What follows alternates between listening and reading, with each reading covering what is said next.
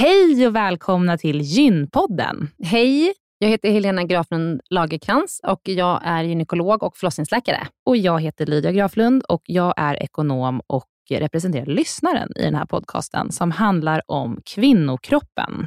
Det är vetenskaplig fakta om kvinnokroppen och det du hör i den här podden är det som man kan höra om man får träffa en läkare eller en barnmorska i ett eh, möte. Men ibland så bjuder vi in gäster som berättar om sina personliga erfarenheter och ibland är det också spekulation, men då är det verkligen tydligt att det är spekulation. Annars är grunden för den här podden vetenskaplig fakta om kvinnokroppen. Så är det. Hoppas att ni vill lyssna. Välkomna. Välkomna.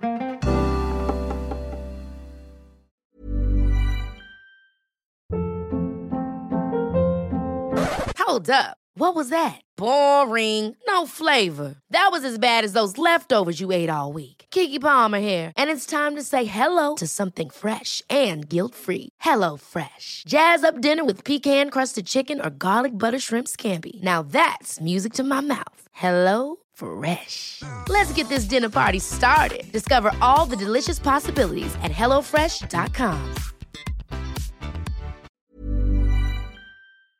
Den här veckans avsnitt av Gynpodden är sponsrad av Ester Care. Och Helena, det är ju det bolaget, vårdbolaget, som du och jag har varit med och startat, där vi erbjuder digitala vårdmöten med specialister inom kvinnovård. Precis. Och vi vet att det är väldigt mycket vårdpersonal som lyssnar på Gynpodden, vilket vi är jätteglada för. Och vi behöver alltid fler gynekologer till SDKR. Så därför vill vi nu göra en shout-out till alla er som lyssnar ute som vill vara med och förändra svensk kvinnovård. Vi söker specialister inom gynekologi, men också ST-läkare som har kommit en bit in i sin ST och som vill arbeta digitalt eh, med handledning på, hos oss på SDKR. Mm. Och precis som det är för våra patienter som kan söka vård hos oss, det vill säga att de kan bo vart som helst i landet eftersom vi är digitala. Om man laddar ner appen och så bokar man ett vårdmöte, så kan ju även läkaren bo vart som helst i landet eller flytta under tiden man jobbar hos oss. Det är ju väldigt, väldigt flexibelt eftersom eh, man jobbar hemifrån. Och Jag tänker att det måste ju också vara helt underbart att som läkare kunna arbeta hemifrån och planera sin egen tid några dagar i veckan. Ja, verkligen. Och samtidigt vara med och förändra kvinnovården med kollegor som är otroligt drivna och engagerade. Det är jätteroligt att jobba på SDKR.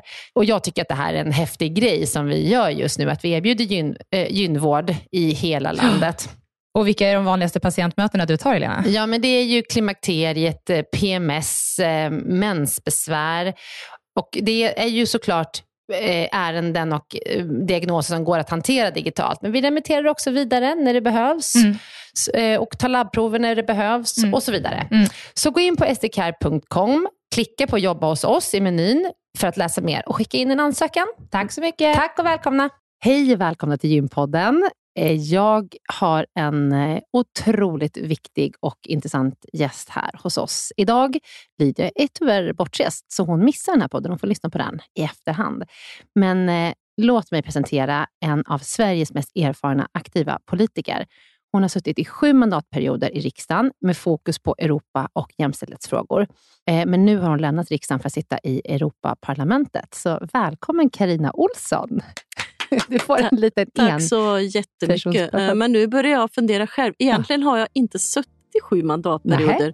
Utan eh, för sex gånger fyra är 24. Jag satt i 24 år. Men sen började jag nämligen den sjunde mandatperioden okay. och kom in i Europaparlamentet. Okej. Okay. Ja, ja. ja, jag höftade lite där. Ja, Sex ja. hela och lite på den sjunde perioden. Ja. Ja. Men nu har du lämnat Sverige då och eh, sitter i Strasbourg och i Bryssel. Precis. Men idag är du hemma och då eh, lägger du lite tid på att podda med oss i Gympodden. Jag är så glad för det. Jag har sett jättemycket fram emot den här podden.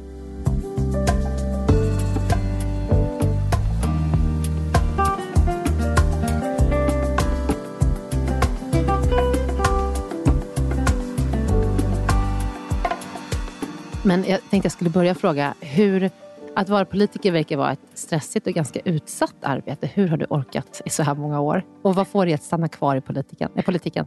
Den frågan har jag fått ganska många gånger och jag har även fått det ja, från en kvinna som också har ja, ledarskap och driver väldigt själv. Så här, vad driver dig egentligen? Mm. Eh, och då får man ju tänka till emellanåt. Men jag känner att dels ger det mycket för mig som person, eh, för jag tror att det är sån som jag bara är.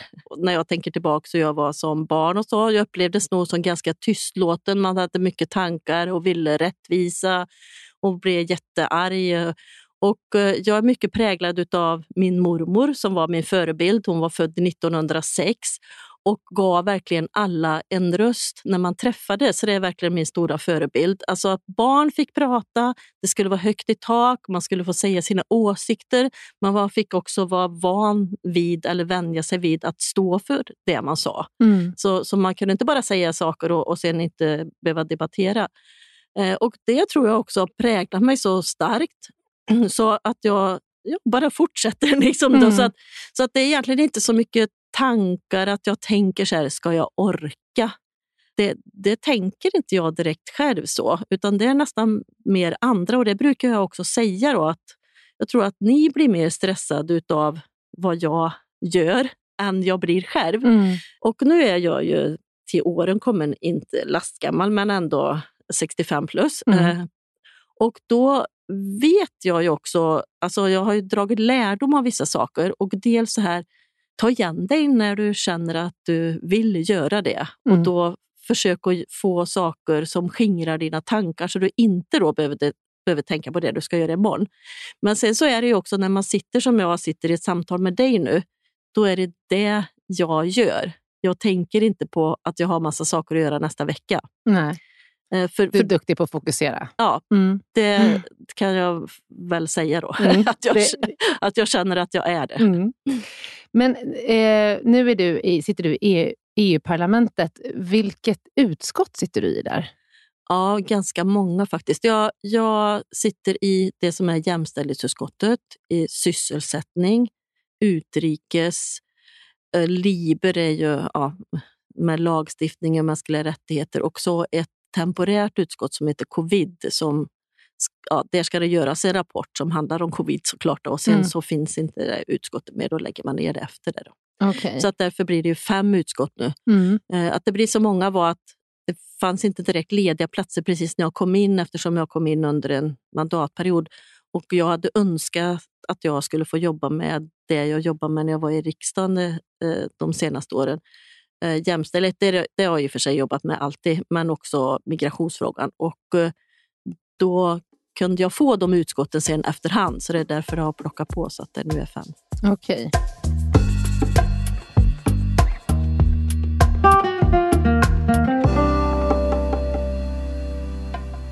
Hur stor plats får jämställdhet eh, bland alla viktiga frågor som diskuteras i EU-parlamentet? Jag tycker faktiskt att det får stor plats eh, därför att eh, många som tar upp jämställdhetsfrågorna i andra utskott också utöver jämställdhetsutskottet. Sen såklart när man själv är fokuserad på en fråga då ser man ju det än mer också. Då. Men jag, jag tycker att, att det verkligen får en berättigad plats och att det också är företrädare som också innehar makt och, och så, som också lyfter frågorna. Då. Mm. Eh, både kommissionärer och ja, liksom Ursula von der Leyen och, och så här att, att det verkligen är jämställdhetsfrågorna som kommer högt upp på dagordningen. Och då har det betydelse att det faktiskt är människor med makt som också visar att det här är viktigt. Mm. För annars är det svårare för alla andra parlamentariker också att få upp det på dagordningen. Men, och Vad menar man med jämställdhet på EU-nivå? För Det är ju absolut mellan könen, tänker jag. Men mm. är det också eh, mellan folkgrupper och mm. eh, mellan låg och höginkomsttagare? Eller liksom, mm. hur, hur, hur definierar man det? Ja, det är ju en stor fråga eftersom inte alla vill att det ska vara att man ska se på ja, mer mm, om man ska se på ra rasism och om man ska se på kanske man har funktionsnedsättning, liksom alla andra perspektiv och kanske det som är mest kontroversiellt det är hbtq-frågor eh, för många partier och så. Men men vi lyfter ju då, alltså vi som vill jämställdhet och är feminister, då, då ser vi ju det på en bredd och, och också genderfrågor och, och, att vi har båda perspektiven också. Då. Mm. Eller om det nu är ja, båda vet jag inte, men, men det är inte strikt bara mellan kvinnor och män. Men det, man ska ju också säga att det är väldigt viktigt att benämna kvinna, man. Mm. För att annars blir det också helt utslätat om inte vi vi ser de skillnader som beror på, på, på kön, om man är kvinna eller man. Och det tror inte jag att jag behöver förklara för dig. Nej, ja, nej jag förstår. Ja. Men alltså, i Sverige, så vi klappar jätteofta på bröstet och tycker att vi har ganska bra jämställdhet i Sverige. Tycker du det? Om man jämför liksom hur det ser ut i resten av Europa? Vi brukar vända på det mer och mer nu och säga att vi är det minst ojämställda, en av de minst ojämställda länderna. Inte det allra minst ojämställda. Vilket För, är det? Ja, det är, nordiska länderna står ju ja, högt upp. Då. Och där är, där är Sverige en del med Finland och Danmark. Och, men sen så är det ju även Nya Zeeland och andra länder också mm. som kommer upp. Och, Eh, så vi kan inte bara slå oss i bröstet och, och tycka så här att vi har gjort bra, eh, för det räcker inte. Och det tycker jag nu också att det känns, det, det känns oroande på det sättet att eh, jag har varit ganska van som politiker då, och, och vet att vi, vi tar steg för steg. Och också beskrivs då som att vi är väldigt bra både på jämställdhet, på miljö och så här och, och, och är i fronten. Och nu känns det lite svajigt och det är också jobbigt för självbilden tycker jag. Mm. Eh, när man möter att andra säger så här, ja, men vi hör ju annat från Sverige också. Mm. Eh, och Vad är det de hör? Vad syftar man, de på? Man, nu måste jag hosta mm. upp lite. Man hör ju att eh, högerextrema krafter har inflytande på politiken. Och eh, direkt när jag kom in i, i Europaparlamentet i höstas, då var det ju en debatt och just om normaliseringen av högerextrema krafter. Eh, och då lyfte flera i debatten Sverige och Italien som, som det som oroar. Och det, då får man ju säga en knäck kan man säga mm. då, som, som svensk. Och, så därför är det så viktigt att också se att det går liksom inte att luta sig tillbaks utan här måste vi hela tiden jobba för att också göra jämställdhet. Mm. Men hur, hur, ehm, jag återkommer till det här med högerpopulistiska partier, tänkte jag. Mm. Men hur ser jämställdhet mellan könen ut i Europa och hur skiljer det sig? Jag, jag tänker så här, kan man säga att det, ja, men i, i Medelhavsområdet så, så är det, har kvinnor de här rättigheterna? Och i, alltså, kan man liksom generalisera? Du säger de nordiska länderna, mm. vi ligger till på det här sättet, men kan man generalisera i stort i Europa? Ja, vissa generaliseringar kan man, kan man nog göra. För att vi är ju vana att ha en hög sysselsättningsgrad eh, för både kvinnor och män, även om vi vet att det är väldigt stora skillnader även i Sverige. Att att utlandsfödda kvinnor är längst ifrån arbetsmarknaden. Men om man tittar generellt så har vi ju hög sysselsättningsgrad även för kvinnor. Eh, samtidigt som vi vet om man tittar på Europa som helhet, eller EU till och med, då, att då är det en tredjedel av kvinnorna inom EU som inte har ett arbete. Självvalt eller? Kan man det tror jag inte. Nej. Nej. det tror Nej. jag inte självvalt. Utan det är ju förutsättningarna för. Och för alla länder har ju inte ens särbeskattning som vi har haft länge i Sverige. Då, utan, utan då har man sambeskattning och, då, och så kanske det är dyr barnomsorg och då blir det inte så lönsamt heller Nej. för den som tjänar minst. Då, och då brukar det ju vara kvinnan. Mm. För det, det vet vi ju också då att, att det ju, finns ju en lönediskriminering beroende på att vi är kvinnor. Men säger du att en tredjedel av alla kvinnor, alla kvinnor i arbetsför ålder är, jobbar inte? Nej.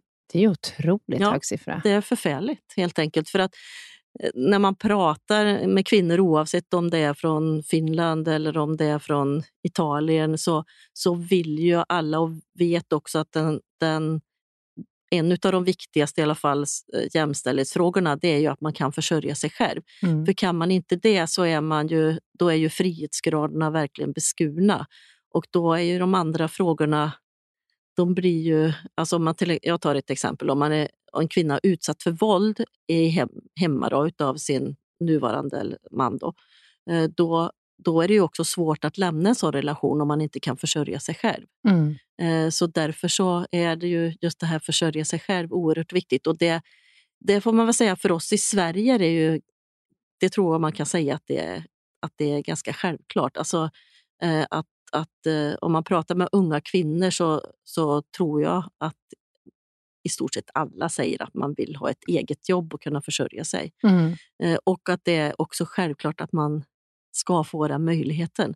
Men så ser det ju tyvärr inte ut. Men sen så går det samtidigt inte att bara säga att i, i Sydeuropa där är allt dåligt. För att när man tittar på Spanien till exempel så har de ju ja, relativt bra lagstiftning när det är på jämställdhetsområdet och när det handlar om eh, mäns våld mot kvinnor. Och man har också andra system för att man också ska kontrollera att, att lagstiftningen blir rätt och riktig. För besökte Spanien för några veckor sedan då, så att då såg man att där har vi en del att lära också. Då. Så att det, det har de hårdare eh, lagar, lagstiftning kring mäns våld mot kvinnor? Eh, ja, vissa saker kan vara lite, lite hårdare, då, men, men eh, de har också en samtyckeslagstiftning nu när det handlar om våld, våldtäkter. Men, men där hade de vissa, den har de precis antagit och den har precis börjat gälla. Men, men eh, det behövdes vissa justeringar där. Men det är ju inte så många länder som har den typen av lagstiftning så att de är ju, tycker jag, ganska lika Sverige på det här området. Mm. Så att, så att det, det behöver ju också finnas länder som också går före och vågar gå före. För så har det varit i Sverige också. att när, när till exempel sexköpslagen togs i Sverige, det var inte okontroversiellt. Eh, och det var det inte heller nu när vi tog samtyckeslagen. Då, utan, eh, och sexköpslagen, det är att det är, att det är eh, kriminaliserat krim att köpa. Men inte att sälja. Men inte att sälja. Mm. Nej. Och, och i, i, stora delar av Europa är det fortfarande kriminellt att sälja men inte att köpa. Är det så? Eh, det, ja, eller inte någon lagstiftning alls, okay. varken eller. Så att, och där är ju tycker ju många länder att vi är väldigt konstiga i Sverige. Då. Så, att det får vi så man tycker att, man ska få, att prostitution ska få vara god, äh, lagligt? Ja, man får för sig att det är frivilligt att man, äh, mm. att man säljer sin kropp. Och, och det vet vi ju mycket från forskning och så, det är ju inte frivilligt. Mm. Äh, och, och det håller vi på nu kan jag säga då, och jobbar jättemycket för.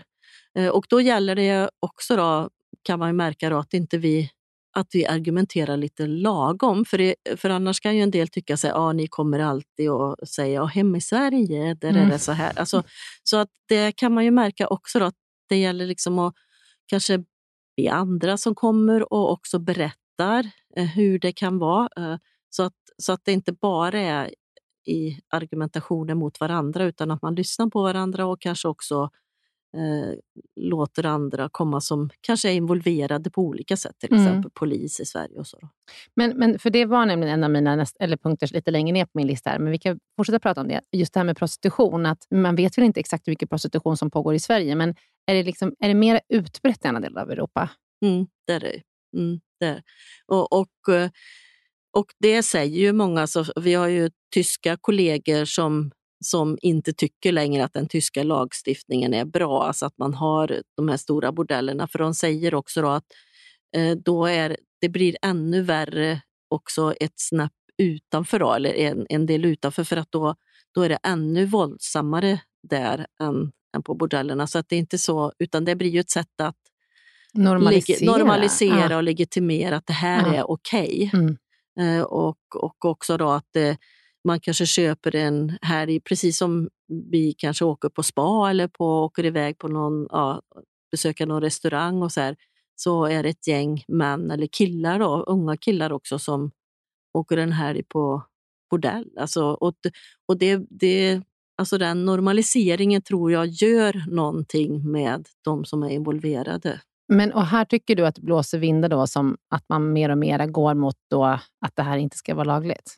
Det finns en del som, som tycker som vi nu också mm. då, och, och också fundera på, ska vi också ha den här typen av lagstiftning? Och det är också det som vi försöker att driva så att det också ska komma med i den lagstiftning mot mäns våld mot kvinnor som ändå man håller på att jobba fram nu eh, inom EU. För då, då, är det en gemensam lagstiftning där det kommer olika delar med. Mm. Eh, men, men för att fråga då, mm. när man gör gemensamma lagstiftningar, kan då vår lagstiftning försämras av att det antas en lagstiftning i Europa mot mäns våld mot kvinnor? Nej, nej. Eh, nej. utan det, det blir ju ofta att det blir mer utav ett, ett golv. Man får ju alltid vara bättre bättre. Så att, men man får inte vara sämre än lagstiftningen mm, säger. Okay. Mm. En sån sak kan ju vara till exempel när vi ändrar vår migrationslag. Då hade vi ju egentligen det som var bättre, som många uppfattar då. Om, om ja, eh, och sen sa vi att vi ska lägga oss på EU-nivå. Så att, så att det kan vara ett sånt exempel. Mm, jag fattar.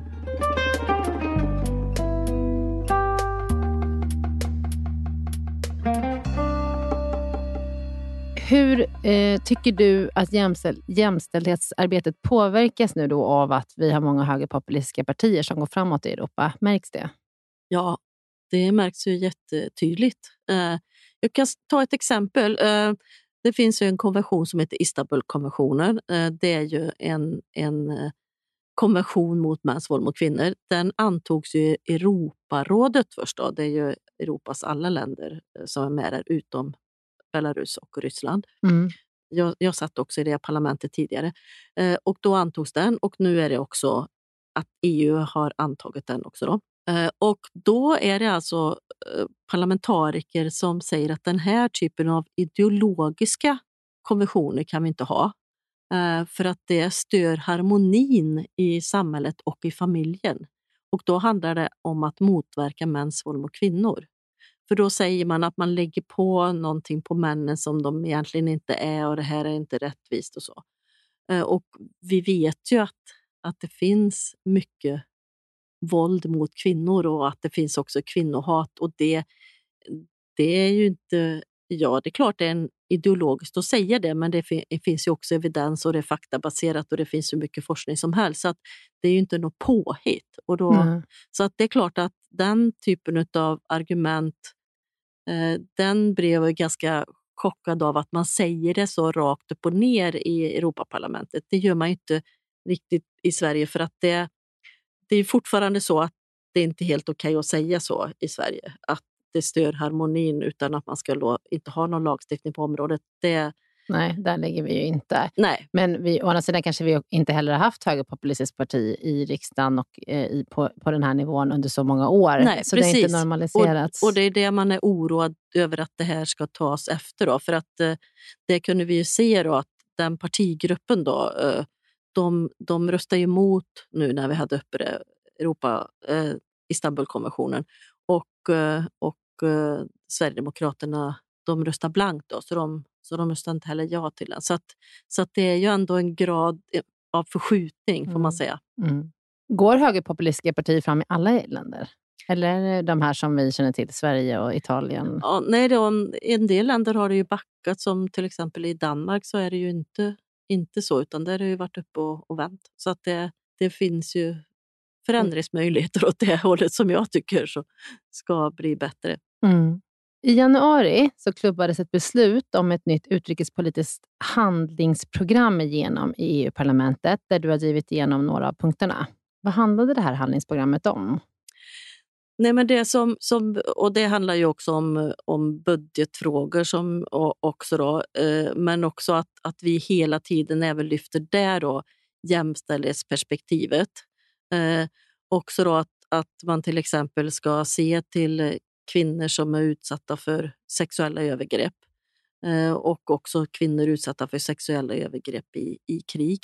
Och också då, men sen också EUs interna arbete att när det handlar om positioner för de som också har såna här utlandsmissioner, att det faktiskt också är, är kvinnor som kan leda de missionerna, för det har ju också stor betydelse. Det, Förklara det, det som har utlandsmissioner? Ja, ja alltså att eh, som, som typ om, om, man tänker, om man tar i en svensk eh, kontext, då, om man tänker att det är biståndsarbetare så är det viktigt att också se att det kan göra skillnader om, om det är en, kvinnor som, som ansvarar för projekt och chefer, för då kanske man lyfter andra frågor. Mm. Eh, till exempel sexuell och reproduktiv hälsa och rättigheter. Mm. Man kanske lyfter kvinnors hälsa. Mm. Eh, och, och det är också viktigt att man både ser till vilka det är som driver det här arbetet, men också ser att de här frågorna kommer med hela tiden också. Mm. Eh, och, och det har jag väl sett också nu när, när det pågår ett krig i Europa. Eh, som är helt nytt för vår generation. Då. Det har ju varit inbördeskrig tidigare men inte ett land som anfaller ett annat på det sättet och helt otillåtet och olagligt och ja, på alla sätt fruktansvärt. Eh, och, och, då är det ju väldigt mycket som diskuteras om vapen, vapensystem, och, men inte så mycket om att kvinnor faktiskt också utsätts för sexuella övergrepp. Mm. Som en typ av vapen också, att man faktiskt gör det i krig. Då. Och, och eh, det, man måste hela tiden påminna om de frågorna för de kommer inte per automatik. Mm. Även om det finns eh, FN-resolutioner och, och också att man har lyft och vet att det här pågår och lyfta tidigare. Men så, så sker det inte per automatik utan man måste hela tiden lyfta in de frågorna. Mm. Men eh, jag läste att det är någonting som ni ska diskutera, eller om det precis har varit uppe för diskussion, det här med att ukrainska kvinnor då, som har våldtagits av ryska soldater som en del av krigsföringen, när de sen flyr till Polen så, så tillåts de inte göra abort, eh, vilket jag inte riktigt förstår, för att en, våld, en olaglig handling, till exempel incest, är väl fortfarande godkänt att abortera då. Om mm. det leder till en ofrivillig graviditet så, så kan man ju då få göra abort i Polen. Men de här kvinnorna tillåts inte göra abort i Polen, är det så?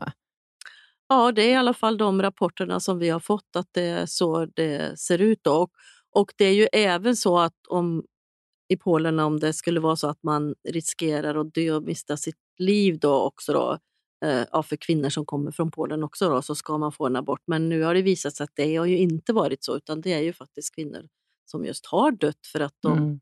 Eh, så att eh, det känns inte riktigt som man följer upp sin egen lagstiftning och, och det är ju en, den starkaste abortlagstiftningen åt fel håll då, som, mm. som Polen nu har. Och, mm. och det här lyfter vi ju hela tiden i olika sammanhang och också såklart vill få med också i olika... Men sen så är det ju samtidigt så att, att själva ab, alltså abortlagstiftning som också här, hör till hälso och sjukvård, det är ju inte sånt som vi har lagstiftning på EU-nivå.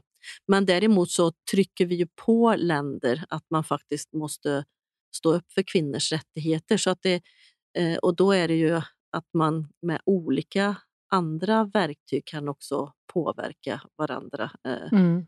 Hur så, kan man påverka? En, en, en, till exempel en sån fråga. Ja, dels att, att man eh, lyfter det hela tiden och också har i andra alltså resolutioner när det antas. Man har det, det finns initiativärende. Eh, det finns också påtryckningar som, som att man lyfter upp att om, om det är så att man inte gör det ena, kan man då få det andra i form av olika bidrag till verksamheter och så. Så att, så att man kan ju också påverka med pengar och anslag. Just det. Mm. Hej, jag Ryan Reynolds. At Mint Mobile, we like to do the opposite of what Big Wireless does. They charge you a lot, we charge you a little. So naturally, when they announced they'd be raising their prices due to inflation, we decided to deflate our prices due to not hating you. That's right. We're cutting the price of Mint Unlimited from $30 a month to just $15 a month. Give it a try at mintmobile.com slash switch. $45 upfront for three months plus taxes and fees. Promo for new customers for limited time. Unlimited more than 40 gigabytes per month. Slows. Full terms at mintmobile.com. There's never been a faster or easier way to start your weight loss journey than with PlushCare. PlushCare accepts most insurance plans and gives you online access to board-certified physicians who can prescribe FDA-approved weight loss medications like Wigovi and Zepbound for those who qualify. Take charge of your health and speak with a board-certified physician about a weight loss plan that's right for you. Get started today at plushcare.com slash weight loss. That's plushcare.com slash weight loss. plushcare.com slash weight loss. Veckans avsnitt av Gynpodden är sponsrat av mittpreventivmedel.se som är en informationssida från Bayer. Mm. Jättebra informationssida. Eh, den, den är full av information och material för att du på bästa sätt ska kunna välja vilken preventivmedelsmetod som passar dig allra, allra bäst. Mm. Och Det vi tänkte prata om idag det är att det finns något som heter samtalsguide mm. På den här sidan. Mm. Och Det är ett formulär där man har får en massa frågor, till exempel så här, att komma ihåg att ta med preventivmedel dagligen är inget problem för mig, eller ibland svårt, mm. eller inte min grej. Mm. Eller um, om jag blev gravid nu och så vidare. Liksom. Så att man får kryssa i en massa frågor och ta ställning och fundera innan mm. du träffar din gynekolog eller barnmorska, så att du liksom verkligen får med alla frågor som är viktiga för dig i det där mötet. Ja. Så man kan fylla i den på den här hemsidan, så kan man skriva ut den här blanketten och ta med den. Ja. Jag skulle säga att, att det verkar som att det är framförallt fyra kategorier som mm. är väldigt viktiga. Och sen, mm. så, sen så spelar det ju in vad du har tagit innan och hur det har funkat för dig och, mm. sådär, och din historik. Men det verkar ju som att det handlar mycket om hur liksom ordningsam man är, eller hur strukturerad man är, att kunna ta någonting dagligen. Mm. Eh, hur viktigt det är att man inte blir gravid. Mm. Eh, användning av hormonella preventivmedel eh, och om man vill påverka sin menstruation på något sätt. Mm. Så det verkar som att det är de fyra kategorierna som man, man bör fundera på innan mm. man väljer ett preventivmedel. Man får bra guidning i hur man ska svara på de här, eh, med olika kategorier, olika svar.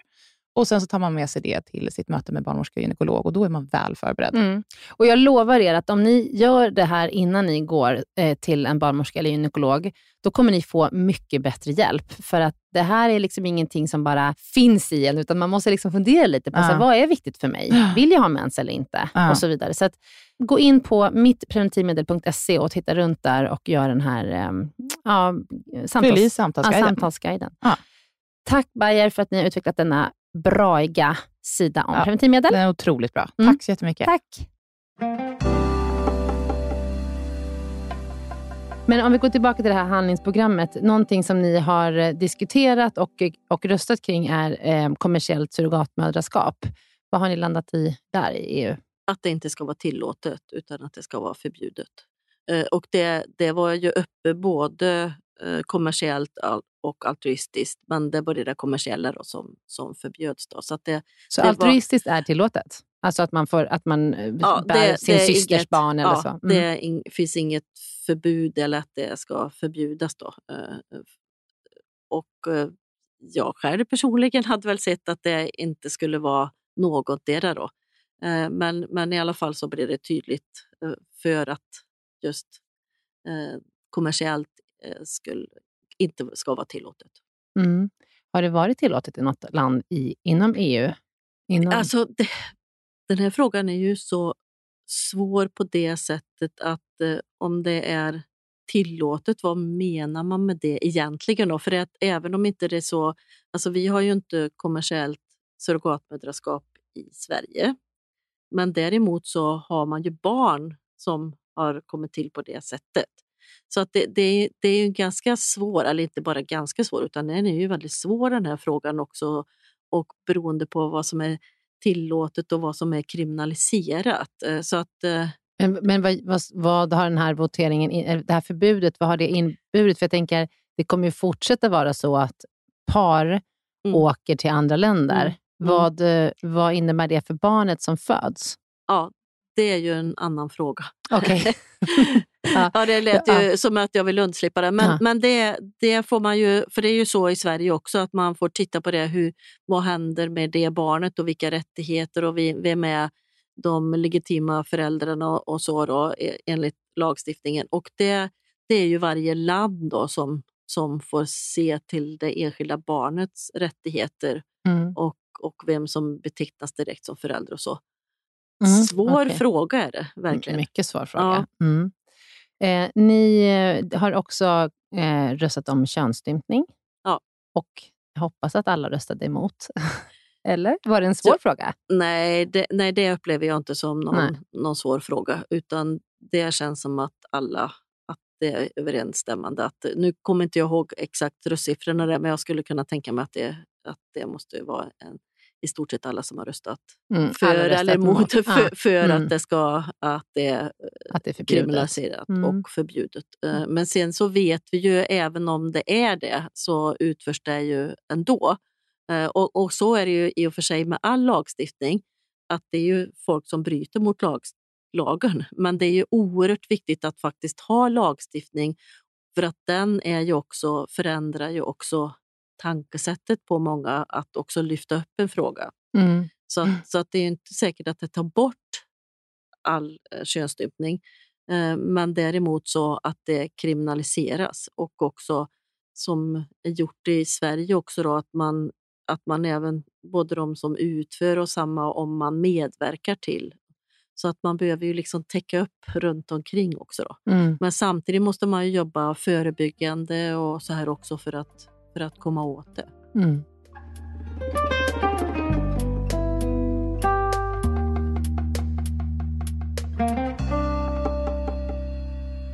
Jag tänker att vi ska eh, flytta fokus lite hem till Sverige, för du har ju så mycket erfarenhet från Sverige, så jag vill eh, pick your brain lite mm. på hur vården och jämställdheten i Sverige. Men jag skulle bara vilja ha en sista fråga utifrån mm. Europas perspektivet.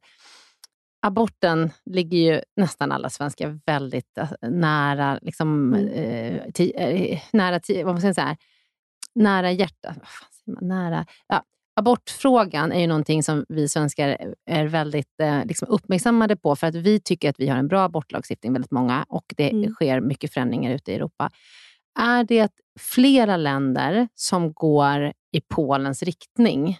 När ni diskuterar de här frågorna, är det flera som vill strama åt och förbjuda och inskränka rättigheten till abort? Jag känner inte att det är flera länder, men det är delar utav ja, i de olika länderna, alltså mer konservativa krafter som tar upp den här frågan. Och det, man kan ju inskränka det på olika sätt. Dels kan man göra som Polen och delar av USA att förbjuda det helt, men sen så kommer det upp frågor som samvetsklausul till exempel. Eh, att ska alla behöva medverka till utav sjukhuspersonal och, och, och så. Och, så att det är ju ett sätt att inskränka fast det inte låter så allvarligt. Mm. Och det måste vi ju uppmärksamma hela tiden för det är ju faktiskt funnits sådana förslag i Sverige och olika regioner också. Då, så att man behöver hela tiden bevaka den här frågan. Mm. För den är också så central för kvinnors frihet. Mm. Att det är ju en signal om, om kvinnor ska få bestämma över sitt eget liv eller inte. Mm. Men du, då pratar vi lite om Sverige. Mm. Hur tycker du att eh, jämställdheten inom vården ser ut här hemma? Det finns ju jättemycket eh, att faktiskt göra och också uppmärksamma. Eh, för, för att eh, när vi pratar om normer och ojämställdhet och jämställdhet så är vi ju i samma normer alla. Så att eh, ibland kommer man ju på sig själv. Oj, varför tänkte jag så här eller varför mm. sa jag så här? Och, och det handlar ju om vården också. Då, att, att, eh, och det kan ju vara så här också. Jag pratade med några läkare för ett tag sedan eh, och då sa ju de att ja, vi blev inte riktigt lika servade på sjukhusen som våra manliga kollegor. Eh, och då kan det också bli sämre vård på det sättet att man inte riktigt hinner med. Så att jämställdhetsfrågan kommer ju in på så många olika sätt mm. och också forskningen att, att manskroppen ofta är är det som ska utgöra människokroppen. Mm. Eh, och, och, också då kanske att man säger att kvinnor ska stå ut med lite mer, mm. alltså att inte lyfta upp det. Och lyfter man upp frågor, jag vet ju att när jag till exempel, och jag var ju S-kvinnors förbundsordförande under åtta år och, och jag var tolv år också ordförande för Unison som jobbar mot mäns våld mot kvinnor. Men då när man lyfter frågor som är typiska kvinnofrågor, till exempel att, att mammografi, att eh, det ska vara eh, avgiftsfritt och, och att det ska vara god tillgänglighet. Då kommer det någon direkt och, och säger ja, prostatacancer då.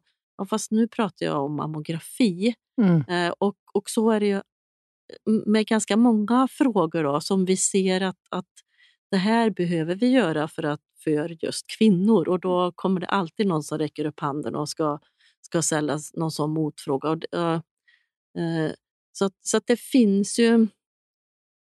Så, jag håller helt med dig. Ja, du, känner du alltså, igen jag känner igen detta så mycket. För jag har startat ett vårdbolag tillsammans med min syster Lydia mm. Och många flera personer, men bland annat vi två. Och eh, där vi driver frågor om kvinnors eh, hälsa och att, att kvinnor, alla kvinnor ska ha rätt till att få hjälp med sin, bland annat då sin fertila kropp. Mm. Eh, och när man pratar om det här, direkt så kommer, kommer frågor så här, ja men vad, kan vi inte göra mer för männen? Absolut, men den frågan kan vi driva i ett annat forum ja. och andra personer. Jag kommer inte driva den frågan. Jag, driver den här, jag är gynekolog och driver den här frågan. Mm. Och sen när man tittar då på sjukskrivningar och frånvaro från jobbet till mm. exempel, så skiljer det sig jättemycket på män och kvinnors... Alltså kvinnor är mycket mer sjukskrivna än män. Mm. Och vi tittar på kroniska sjukdomar och mensproblem och PMS och klimakteriebesvär. Och det är så stora skillnader. Låt oss fokusera på detta lite grann och inte hela tiden säga så att vi måste ha ett manligt perspektiv. För att varför har, vi har ju haft ett manligt perspektiv väldigt, väldigt länge. Mm. Alltså, det är inte så att så fort vi pratar om någonting eh, som har med männen att göra, att vi säger så här, men hörru, kvinnorna då? Alltså, det är liksom så trött på den diskussionen och jag, jag välkomnar att någon eh, lyfter männens perspektiv och så. Men inte på bekostnad av att vi inte får prata om kvinnors vård. Nej. Nej. Och, jag förstår precis vad du menar. Ja. Ja, jag, men, men jag, lite... måste, jag kom på en, en liten sån här anekdot mm. också. Då, för, för det är också hur man ser på kvinnor och, och män. Och mm. då, eh, cellprovtagningen slutar den vid 60... 9. 69. Ja. Mm. Men i alla fall när jag alltså var... screeningen. Mm, ja, ja, och sen när jag var på den sista gången, fast då borde jag ju bli kallad det då, men, för jag är bara 65. Mm. Men, och, den är utglesad de, senaste, de sista ja, åren. Mm. då är det så. Då. Mm. Tack. Eh, mm. Men då, då, då, nu vill inte jag genera henne, men då var mm. det en eh, som utbildade sig och då frågade de om, om hon också fick vara med. Och, eh, och då sa jag de här frågorna har jag drivit väldigt mycket politiskt också, både mammografi och screening och att det ska vara avgiftsfritt och att ja, man ska ha god tillgång och så. Mm. Eh, och då sa hon att det var utglesat lite och, och så sa hon och, och tittade på mig så här och så sa hon så här, ja det beror ju bland annat på att eh, kvinnor inte är så sexuellt aktiva i den åldern. Mm. Och, då, och då blir jag lite full i skratt. Ja. För då tänker jag, Eh, tänk om man hade sagt det till en man då, ja. som var 63 år. Ja. Att, eh, så ja. det är ju också en bild som man har utav, nu ska inte jag prata om mitt sexliv här, men, Jag kan inte göra det Carina, dela här med Gympoddens lyssnare. men men det, det, är ju också en syn på, på ja. kvinnor och sexualitet. Ja. Att, eh, du har fått klart dina barn, nu kan du gå i träda på något sätt. Liksom. så att jag blev, och jag vill inte genera henne, men jag blev mm. så full i skratt. Liksom, mm. då, för att jag mm. tänkte så här, mm, jaha, mm. så är mm. det på det sättet? Ja.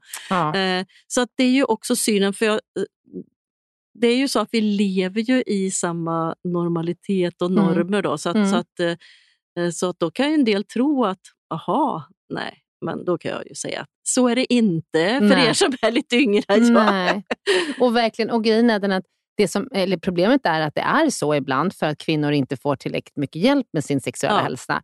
Men då måste vi lyfta det. För det då väldigt, måste vi lyfta det. Ja, och inte säga så här, äh, hon vill säkert ändå inte. och ibland så är det... Så, nu så kanske det, någon tycker att vi blir oseriösa, men ja, det är ju, nej, det är ju det, liksom synen på sexualitet och synen på Ja, och på vi blir lite raljanta, men det är också för att jag hör ju också så här, att eh, jag måste ha en behandling för att min man vill ha sex.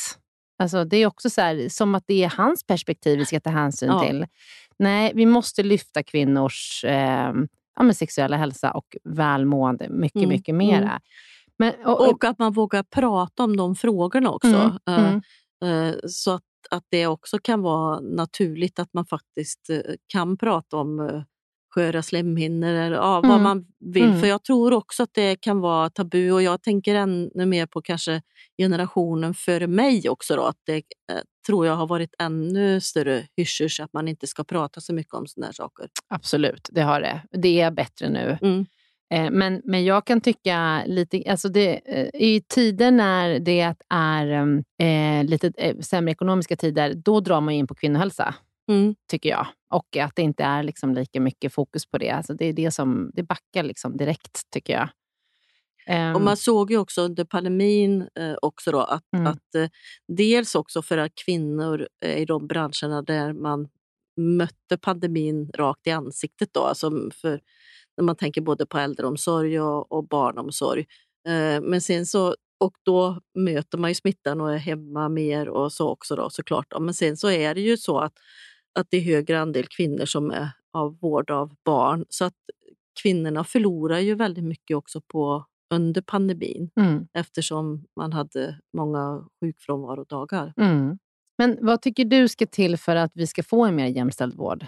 Vad, ska, vad kan vi göra mer? Ja, dels så behöver man ju synliggöra eh, och, och, det kan ju ske på många olika sätt. Dels att det är forskning som också utgår från kvinnokroppen. Eh, men sen så behöver ju också eh, fler på ledande positioner och då kan det handla om både politiker men också inom hälso och sjukvården då, att chefer också är kvinnor också då, mm. och lyfter de här frågorna. Och det kan ju också vara så, eh, nu vet inte jag om man tittar, det vet säkert du, eller jag är helt säker på att du kan mer än vad jag, eh, vilka kategorier eh, som blir, alltså om det är en läkare som blir, som blir ja, i toppen för en sjukhus säger vi då. Mm. Eh, är det en gynekolog eller kirurg? Eller hur ser strukturerna ut inom, inom läkarkår? Inom chefs, chefskap? Ja. Mm. ja. det är nog olika. Mm. Eh, mm. eh, så.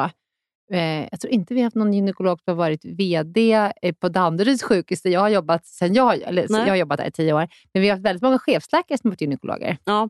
Eh, kvinnor då. så, och vi har haft en kvinnlig VD på Danderyd länge. Nu har vi precis bytt, men så att, eh, hon har ju liksom suttit där i flera år. Mm. Så att det, det, är klart att det, chefskapet och ledarskapet, det, man börjar ju se kvinnor nu, men det är också, ja. det är också många fler kvinnor som blir läkare. Mm, det är det också. Mm. Ja, det är det. Så att, eh, vi borde, det kanske fortfarande är så att eh, eh, alltså, det är flera män, om man säger, som är det, givet att de är färre i mm. antal, mm. som sitter på chefspositioner. Och, och sen såklart om man är gynekolog då är det så självklart att man kan mycket om, om de här frågorna också. Så att det kan, behöver ju också komma in bland de läkare då som inte, ja. inte tänker det är naturligt att man också ska se både till ja. kvinnor och män. Eh, ja. nu hoppas jag att det är mer så, uh, men, men jag tycker ju ändå att det, och det, det är väl också att det avspeglar sig det som är i samhället i övrigt mm. såklart, mm. avspeglar ju sig inom mm. hälso och sjukvården och tvärtom.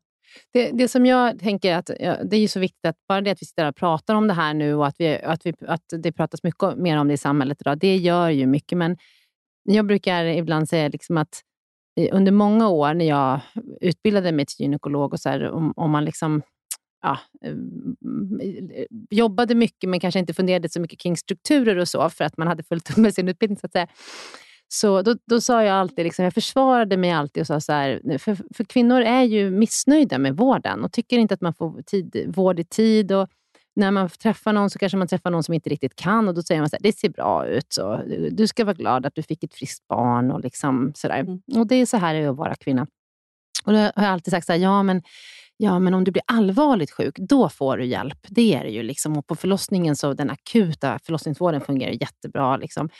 Sen har jag backat lite från det där. För så här, men ska man vara allvarligt sjuk, ska det alltid vara en fråga av liv och mm. död innan man får hjälp som kvinna? Ska det inte vara... Vi har kvinnor som är hemma varje månad. Alltså 15 procent av alla kvinnor är hemma varje månad på grund av mens.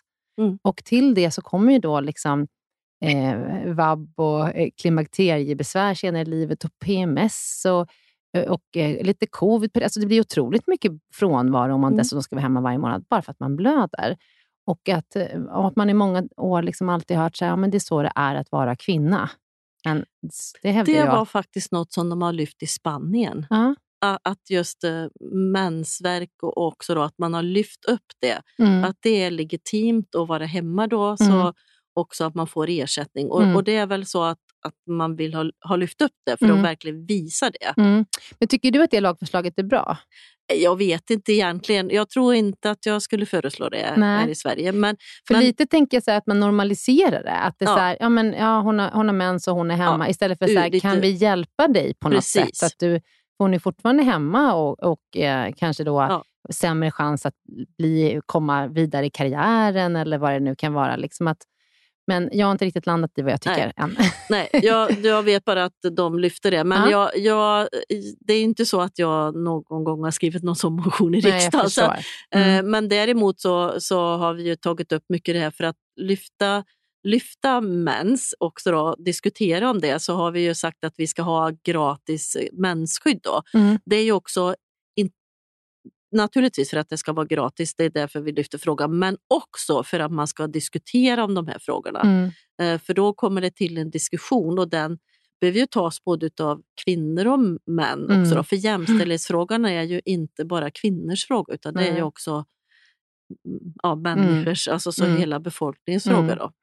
Men det är mycket kvinnor som driver den här frågan och det är också det är det. som jag förstår inte, förlossningsfrågan är också nästan bara kvinnor som driver. Och så tänker jag, ja men det är ett kvinno problem, men det är ju männens barn också som ska födas där. Mm, mm. Eh, så att jag... Ibland och, förstår jag inte riktigt varför det bara är kvinnor som slåss för de här och, frågorna. Och när du tog det här om, om eh, ja, hur allvarligt, alltså när man blir, och att man då får vård. Men jag ju, när jag var S-kvinnors förbundsordförande så, så pratade jag också med många kvinnor om förlossningsvård och också att man har haft mycket besvär efteråt. Och mm. då är det också rangordnat så att en del går ju med det som de kanske har tänkt från början, det är inte så stora besvär och så blir det ju jättejobbigt mm. hela livet. Mm. Eh, och också då med inkontinens och mm. annat och också då verk som många har mm. och, och, inte riktigt kanske vill säga för man tänker ja, ja, ja men det är väl inte så allvarligt. Och, mm. och, och det är ju inte okej okay att det är på det sättet för att det hade ju, för många hade det inte varit så svårt att faktiskt rätta till det. Nej, precis. Man måste träffa rätt person. Ja, mm. och, och det tycker jag att eh, det borde vi ha kommit längre mm. år 2023. Ja, jag håller med. Men vi mm. får jobba vidare. Det får vi göra. Ja. Definitivt. Och, och Carina, tack för det fantastiska jobb du gör. Det känns jättetryggt att ha dig där ute i Europa och driva de här frågorna. Ja och, ja. och jag brukar också säga så här att om man en gång har fått på sig de här glasögonen ja. så går de inte att ta av. De Nej. sitter fast där. Mm. För att när man ser de här orättvisorna så, mm. så är det bara att, ja, mm. det är bara att jobba vidare helt mm. enkelt. Ja. Och jag är ju glad över att se en annan generation framför mig precis ja. nu. får vi ge mig in i politiken på sikt. Ja, ja, det kan vara jättebra. Ja. Tack så jättemycket att du har tagit dig tid att podda med oss idag och eh, ja, hoppas att vi ses igen i framtiden.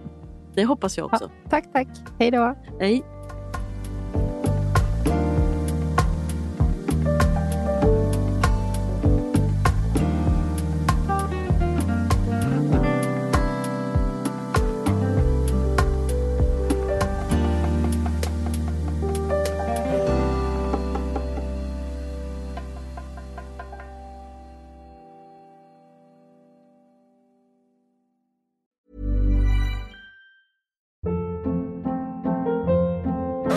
Hold up. What was that? Boring. No flavor. That was as bad as those leftovers you ate all week. Kiki Palmer here, and it's time to say hello to something fresh and guilt-free. Hello Fresh. Jazz up dinner with pecan-crusted chicken or garlic butter shrimp scampi. Now that's music to my mouth. Hello Fresh. Let's get this dinner party started. Discover all the delicious possibilities at hellofresh.com.